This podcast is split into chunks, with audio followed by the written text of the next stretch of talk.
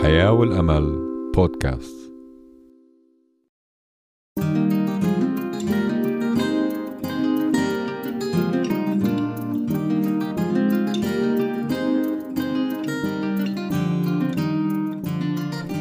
إذاعة صوت الحياة والأمل لحياة أفضل. AWR 360 هاتف زائد واحد اتنين أربعة صفر. تسعة صفر صفر تسعة تسعة تلاتة تسعة. بريد الإلكتروني hub at awr نقطة org.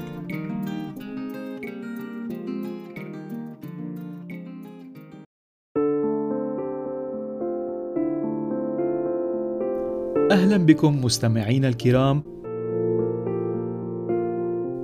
سنستمع اليوم إلى الأوهام القاتلة التي تكشفها الرؤيه في الجزء الأول ضمن سلسلة رؤيا الرجاء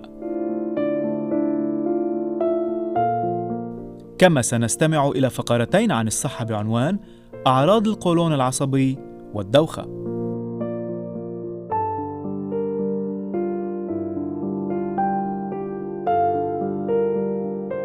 موضوعنا اليوم هو الرؤية التي تكشف الأوهام القاتلة.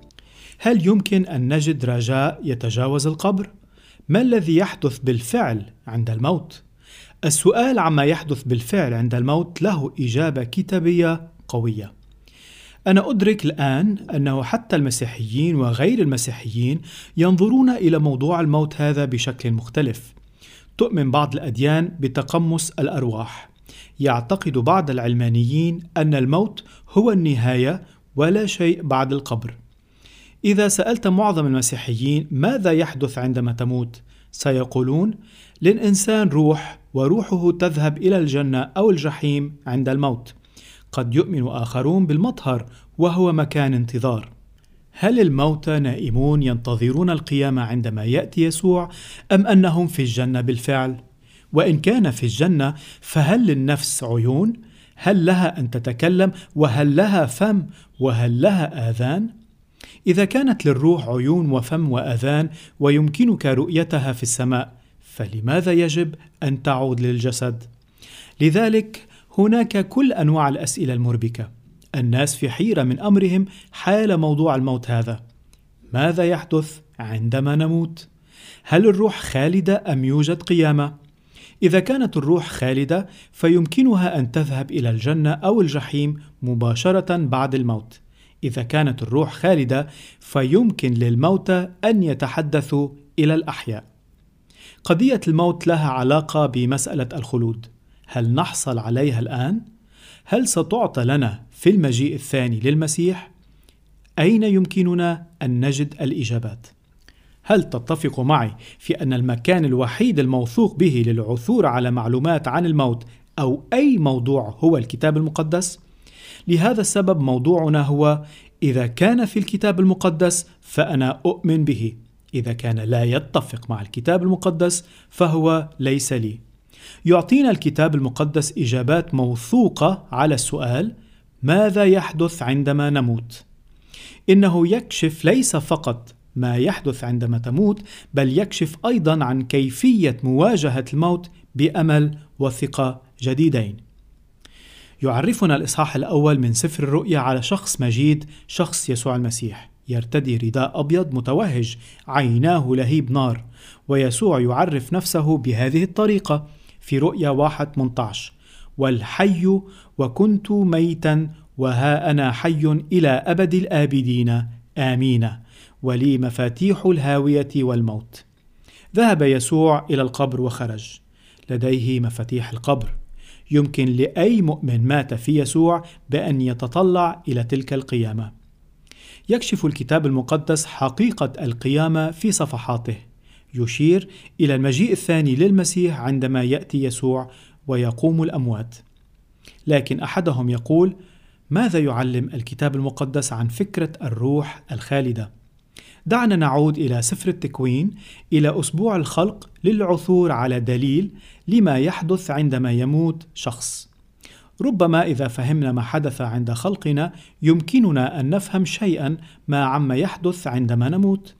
يقول الكتاب المقدس في تكوين 2 7 وجبل الرب الإله آدم ترابا من الأرض ونفخ في أنفه نسمة حياة فصار آدم نفسا حية لاحظ هذه العبارات الرئيسية الثلاث هنا الله خلق الإنسان من تراب الأرض ونفخ فيه نسمة حياة وأصبح الإنسان روحا حية. هل يقول الكتاب المقدس أن الله وضع روحا خالدة في آدم؟ لا لم يقل ذلك. بدلا من ذلك يكشف عن صيغة للإنسان. التراب زائد الروح تساوي روح حية أو طريقة أخرى لوصفها عنصر الأرض زائد النفس يساوي كائن حي. النفس الحية تعني الشخص الحي. أصبح آدم كائنا حيا أو نفسا حيا. كما ترى النفس الحية هي إنسان حي ليس لدي نفس. أنا نفس. مخلوق حي شخص وأنت كذلك. ما هذه النفس؟ هل هي خالدة؟ أم يمكن أن تموت؟ في حزقيال 18 أربعة ها كل النفوس هي لي نفس الآب كنفس الابن كلاهما لي. النفس التي تخطئ هي تموت. هل يمكن للنفس أن تموت حسب الكتاب المقدس؟ نعم لأنها تقول النفس التي تخطئ هي ماذا؟ تموت. يوجد اسم آخر للنفس في الكتاب المقدس قد يفاجئ بعض الناس وهذا هو شخص أو حياة. لذلك تقول هذه الآية أن الإنسان الذي يخطئ يموت. لاحظ في هذه الآية كيف يتم استخدام كلمتي حياة ونفس بالتبادل. في متى 16 من 25 ل 26 فإن من أراد أن يخلص نفسه يهلكها ومن يهلك نفسه من أجل يجدها. أنه ماذا ينتفع الإنسان لو ربح العالم كله وخسر نفسه؟ أو ماذا يعطي الإنسان فداء عن نفسه؟ الله وحده خالد. فان تعني التعرض للموت تعني كلمة خالدة أنه لا يفنى ولا يستخدم الكتاب المقدس مصطلح النفس الخالدة أو خلود النفس.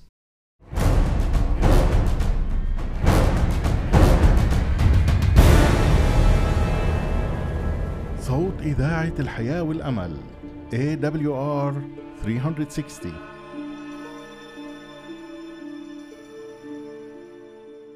في تيموثاوس الأولى 1 17 وملك الدهور الذي لا يفنى ولا يرى الإله الحكيم وحده له الكرامة والمجد إلى دهر الدهور. آمين. لذا فإن الملك خالد الله خالد. نأخذ الخلود عندما يأتي المسيح. يقول الكتاب المقدس يلبس هذا المائت عدم موت عندما أذهب إلى المسيح يعطيني عطية الحياة الأبدية. هو يسكن في قلبي الآن لكن عطية الخلود تأتي مع المجيء الثاني للمسيح. في تيموثاوس الأولى 6 15 16 الذي سيبينه في أوقاته المبارك العزيز الوحيد ملك الملوك ورب الأرباب الذي وحده له عدم الموت ساكنا في نور لا يدنى منه. من وحده لديه الخلود؟ الله وحده له الخلود. الكتاب المقدس واضح بشأن مسألة الخلود. علمت الفلسفة اليونانية الوثنية أن النفس خالدة.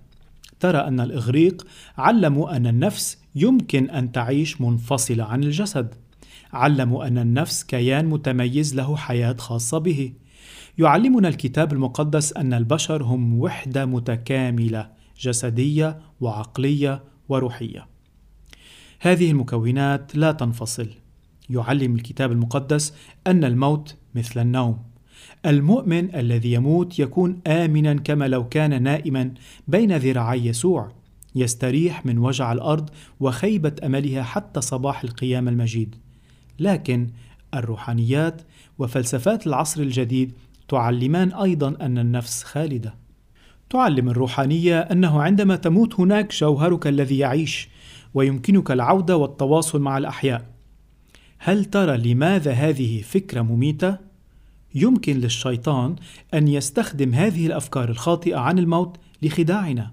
يمكن الملائكة الأشرار أن يتنكروا في صورة أحبائنا الأموات يمكنهم إحضار ما يسمى بالرسائل من وراء القبر يمكنهم تضليلنا لقبول أكاذيب الشيطان هذا ما يقوله الكتاب المقدس في كورنثوس الأولى 15 الأعداد 51 و 52 هو ذا سر أقوله لكم لا نرقد كلنا ولكننا كلنا نتغير في لحظة في طرفة عين عند البوق الأخير.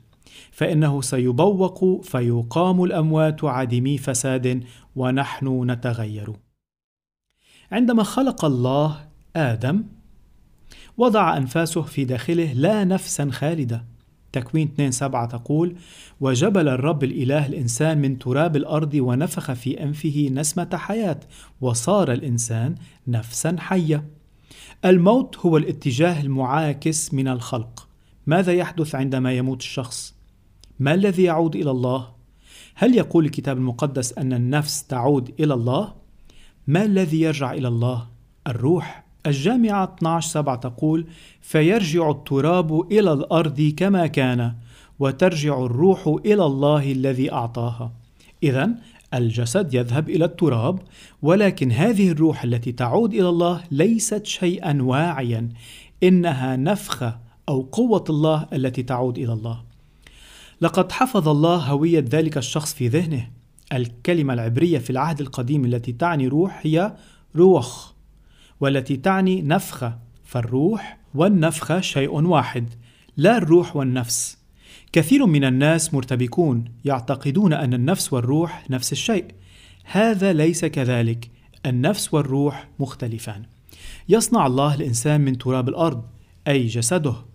ينفخ الله في الإنسان روحه الكلمة العبرية التي تعني الروح أو النفخة يصبح الإنسان روحا حية. عندما يموت الإنسان يرجع الجسد إلى تراب. الروح أو نسمة الحياة قوة الحياة تعود إلى الله. الآن لاحظ كيف يعلم الكتاب المقدس أن النسمة أو النفخة والروح هما نفس الشيء. أيوب 27 3 تقول إنه ما دامت نسمتي في ونفخة الله في أنفي. ماذا يوجد في أنفك؟ هل هو شيء يفكر ويسبب؟ لا. إنها النفس التي يمنحك إياها الله. ربما يمكنني توضيح ذلك بمصباح كهربائي. الآن للحصول على الإضاءة أحتاج إلى اللمبة لكني أحتاج أكثر من هذه اللمبة. يمثل المصباح الجسم ولكن إذ كنت سأحصل على إضاءة فأنا بحاجة إلى طاقة المصباح الكهربائي. المصباح الكهربائي وحده لا يمنحني الضوء. أحتاج إلى القوة صحيح؟ لذا فإن القوة تمثل روح الله أو أنفاسه. تأتي الطاقة من خلال الحبل إلى المصباح وهذا ينتج ماذا؟ إضاءة ماذا يحدث عند فصل الضوء؟ تذهب القوة إلى أين؟ ترجع إلى بيت الطاقة لذلك عندما نتوقف عن التنفس ويتوقف قلبنا عن النبض نموت بما أن القدرة على خلق الحياة هي عند الله فإن روحه التي أعطت الحياة تعود إليه هل هناك وعي في الموت؟ في مزمور 146 4 تخرج روحه فيعود إلى ترابه. في ذلك اليوم نفسه تهلك أفكاره. الجامعة 9 5 6 لأن الأحياء يعلمون أنهم سيموتون. أما الموتى فلا يعلمون شيئا وليس لهم أجر بعد لأن ذكرهم نسي. ومحبتهم وبغضتهم وحسدهم هلكت منذ زمان. ولا نصيب لهم بعد إلى الأبد في كل ما عمل تحت الشمس.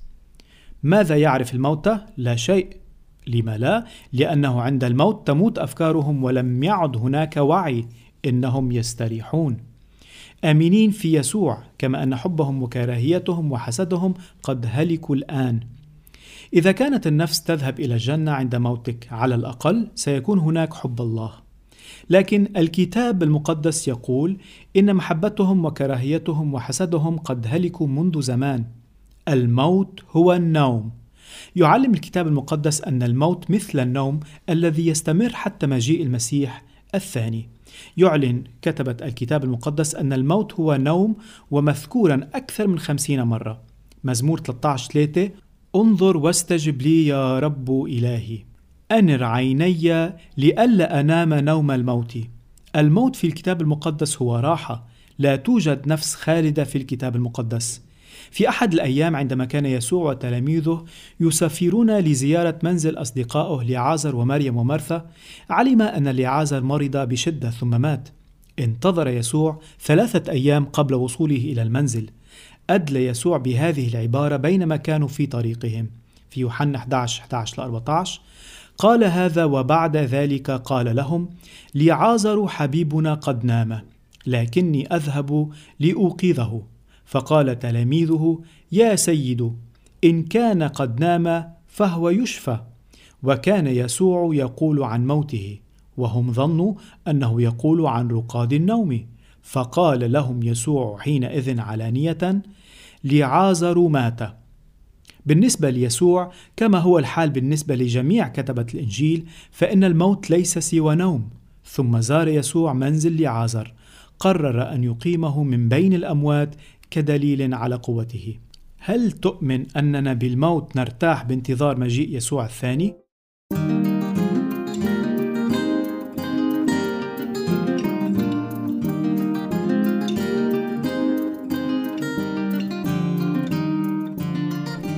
إذاعة صوت الحياة والأمل لحياة أفضل AWR 360 هاتف زائد واحد اثنين أربعة صفر تسعة صفر صفر تسعة تسعة تلاتة تسعة. بريد الإلكتروني hub at awr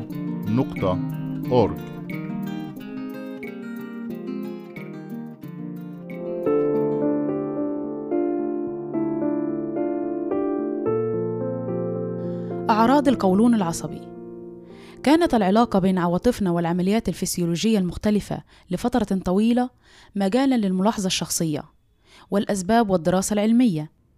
يعرف الكثير منا أنه عند اختبار عاطفة معينة مثل الخوف أو الرحمة والتعاطف أو الخجل أو الغضب نشعر أيضا برد فعل صدى في أجزاء مختلفة من الجسم. بالنسبة للعديد من المشاعر تكون الاستجابة محسوسة بشكل رئيسي في منطقة البطن. يصاب بعض الناس بسهولة بالتشنجات والإسهال. يفسرونها من خلال وجود معدة عصبية. غالبا ما يعزز الأشخاص المصابون بالقرحة الهضمية ذلك إلى الحياة المجهدة. هل هذه التفسيرات صحيحة؟ لقد عرفنا لسنوات الاضطراب المتكرر لوظيفة الجهاز الهضمي إذا زاد التوتر بشكل كبير قبل اكتشاف أن القرحة الهضمية كانت مرتبطة بعدوى هيليوكوباكتر بيلوري كان يعتقد أنها مرض مرتبط بالإجهاد. الآن نحن نعلم أن القرحة سبب الإجهاد. السبيل الهضمي مغلف بطبقة مخاطية تحمي عادة من الحمض. ولكن إذا زادت كمية الحمض أو انخفضت كمية المخاط فيمكن أن تتطور إلى قرحة. تعيش بكتيريا هيليوكوباكتر بيلوري عادة في تلك الطبقة المخاطية. في كثير من الأحيان لا تسبب بكتيريا هيليوكوباكتر بيلوري أي مشاكل ولكنها يمكن أن تسبب التهاب الطبقة الداخلية للمعدة.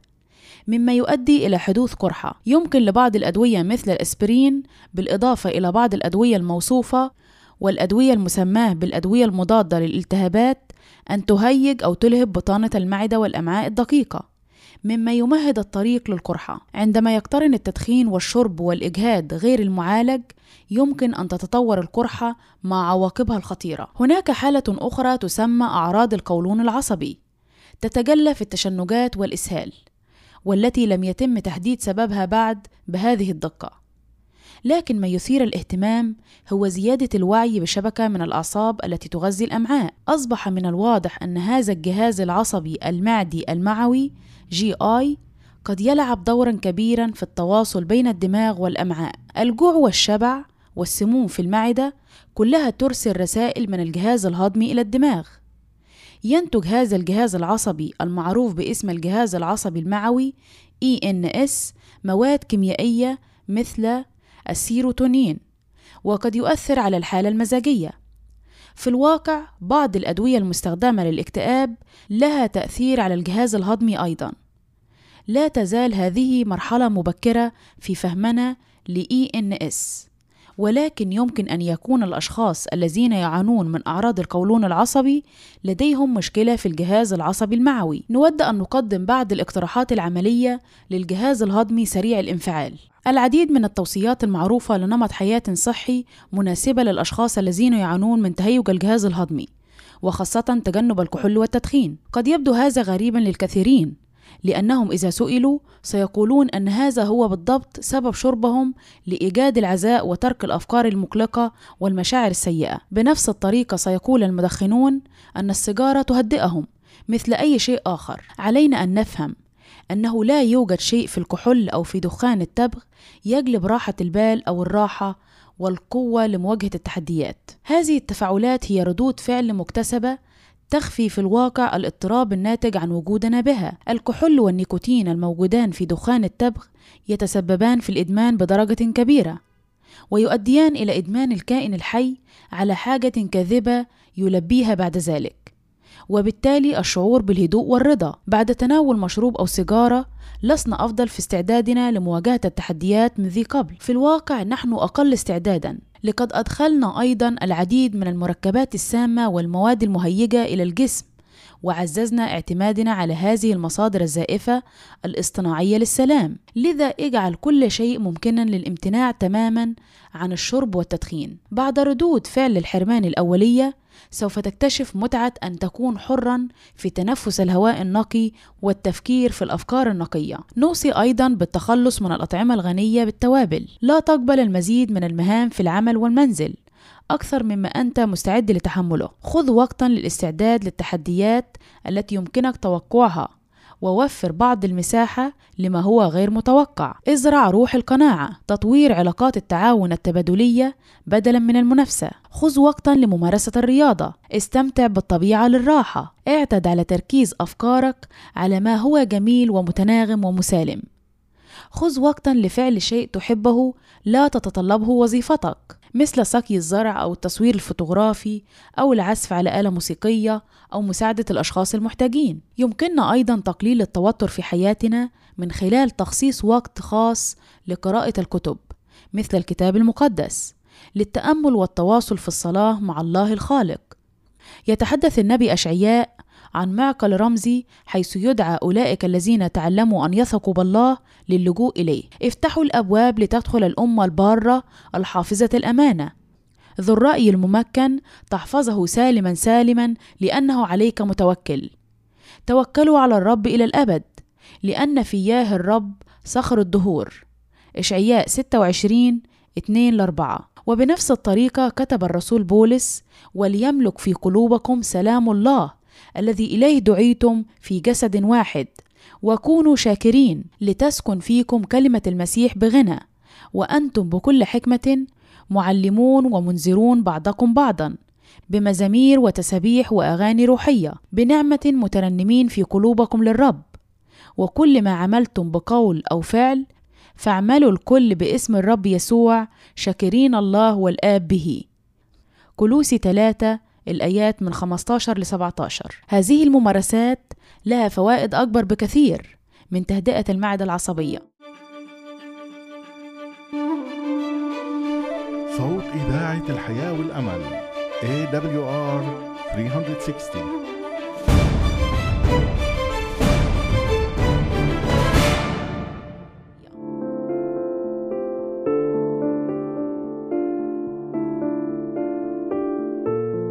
الدوخة هل شعرت يوما بالإغماء أو الدوخة أو الضعف بعد وجبتك؟ ربما شعرت ما هي طريقتك في شرح ذلك؟ يعتقد عدد كبير من الأشخاص الذين مروا بهذه الحالة أن لديهم انخفاض في نسبة السكر في الدم أو ربما أن الأنسولين المفرط هو الذي يسبب هذا التأثير. التفسير الشائع الآخر للدوخة والإغماء هو انخفاض نسبة الكالسيوم في الدم. هل هذه التفسيرات دقيقة في معظم الأوقات؟ على الأغلب لا. ينخفض مستوى السكر في الدم لدى بعض الأشخاص بعد تناول الطعام، إذ بدأ الأنسولين الذي يطلقونه بسرعة كبيرة وبصعوبة شديدة، ولكن نقص السكر في الدم هو حالة مفرطة التشخيص. كثير من الناس الذين يدعون انخفاض نسبة السكر في الدم لا يظهر عليهم أبدا انخفاض مستويات السكر في الدم، ومع ذلك هناك حالة معترف بها من انخفاض ضغط الدم بعد الأكل. من المحتمل أن تكون هذه الحالة هي سبب هذه الأعراض. يؤدي الأكل إلى تحويل الدم إلى الجهاز الهضمي ويصبح أقل من ذلك متاحا للدماغ والعضلات والأعضاء الأخرى تعمل التمارين المنتظمة على ضبط نظام الأوعية الدموية وكذلك عضلاتك مما يجعلها أكثر قدرة على التعامل مع المتطلبات المتغيرة في الأنسجة المختلفة. لذلك عليك المشي لمدة 30 دقيقة يوميا. اشرب كوبا أو كوبين من الماء قبل تناول الطعام بحوالي 15 إلى 30 دقيقة. سيؤدي ذلك إلى زيادة السوائل في الدم وتقليل الميل لانخفاض ضغط الدم بعد الوجبة. قد يبدو هذا بسيطا جدا. لكن في الحقيقة يعاني الكثير من الناس من الجفاف. يمكن الوصول إلى الماء بسهولة لكنهم يتجاهلونه ويدفعون أجسادهم للعمل في ظروف شبيهة بالصحراء. على الرغم من أن وجبتين في اليوم تقلل من إجهاد التمثيل الغذائي بعد الوجبة إلا أن بعض الأشخاص يستفيدون من وجبات أصغر وأكثر تكرارا. جرب لفترة مع نظام معين وانتقل إلى نظام مختلف. ابقى معه لفترة أخرى وقارن. نحن بحاجة إلى التعرف على جسدنا الخاص ووظائفه. تنطبق القواعد العامة بشكل أو بآخر على أي شخص ولكن قد تختلف بعض التفاصيل بشكل كبير من شخص لآخر. اعرفوا أنفسكم واستخدموا الفطرة السليمة لفعل ما هو جيد لك. راقب نوع الكربوهيدرات التي تتناولها. تناول المزيد من منتجات الحبوب الكاملة والبقوليات والزيوت الصحية والبروتينات. نحن نعلم أنه من الصعب إجراء تغييرات في النظام الغذائي الذي اعتدنا عليه. يعتدل انخفاض ضغط الدم بعد تناول وجبة ما بين 30 دقيقة إلى ساعة. لذا استرخى قليلا. اجلس أو مدد لأخذ استراحة قصيرة. يجد الكثير من الناس أنهم يعملون بشكل أفضل وقد حسنوا من وظائفهم العقلية وأصبحوا أكثر إنتاجية بعد قيلولة من 15 إلى 20 دقيقة. نشجعك أيضا على مناقشة هذه المشكلة مع مقدم الرعاية الصحية الخاص بك يتجنب بعض الأشخاص الذهاب إلى الطبيب على وجه التحديد لهذا السبب حتى لو كانوا يترددون في التعرف عليه علنا فهم قلقون من أنه من خلال إجراء محادثة مع الطبيب والقيام ببعض الاستكشافات قد يتم اكتشاف بعض الحالات غير المعروفة التي من شأنها تعطيل حياتهم ومباهجها فيبتعدوا أو يؤجلوا الفحص الطبي قدر المستطاع. هذا كل ما لدينا لهذه الحلقة. نتمنى أن تكون قد نالت إعجابكم. ونشكر حسن المتابعة. سنستمع غدا إلى المواضيع التالية. الرؤية تكشف الأوهام القاتلة في الجزء الثاني ضمن سلسلة رؤيا الرجاء. وفقرتين عن الصحة بعنوان سرطان الغدد الليمفاوية وتأثير الملح على ضغط الدم. انتظرونا في الحلقة القادمة. الرب يبارككم.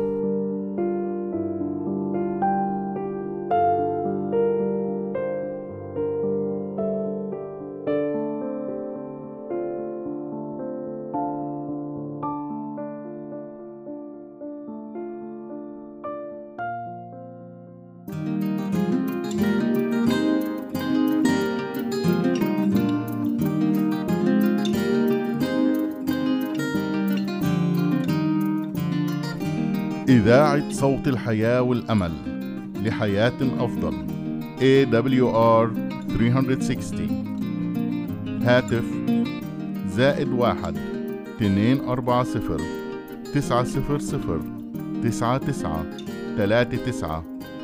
بريد الإلكتروني hub at awr نقطة org.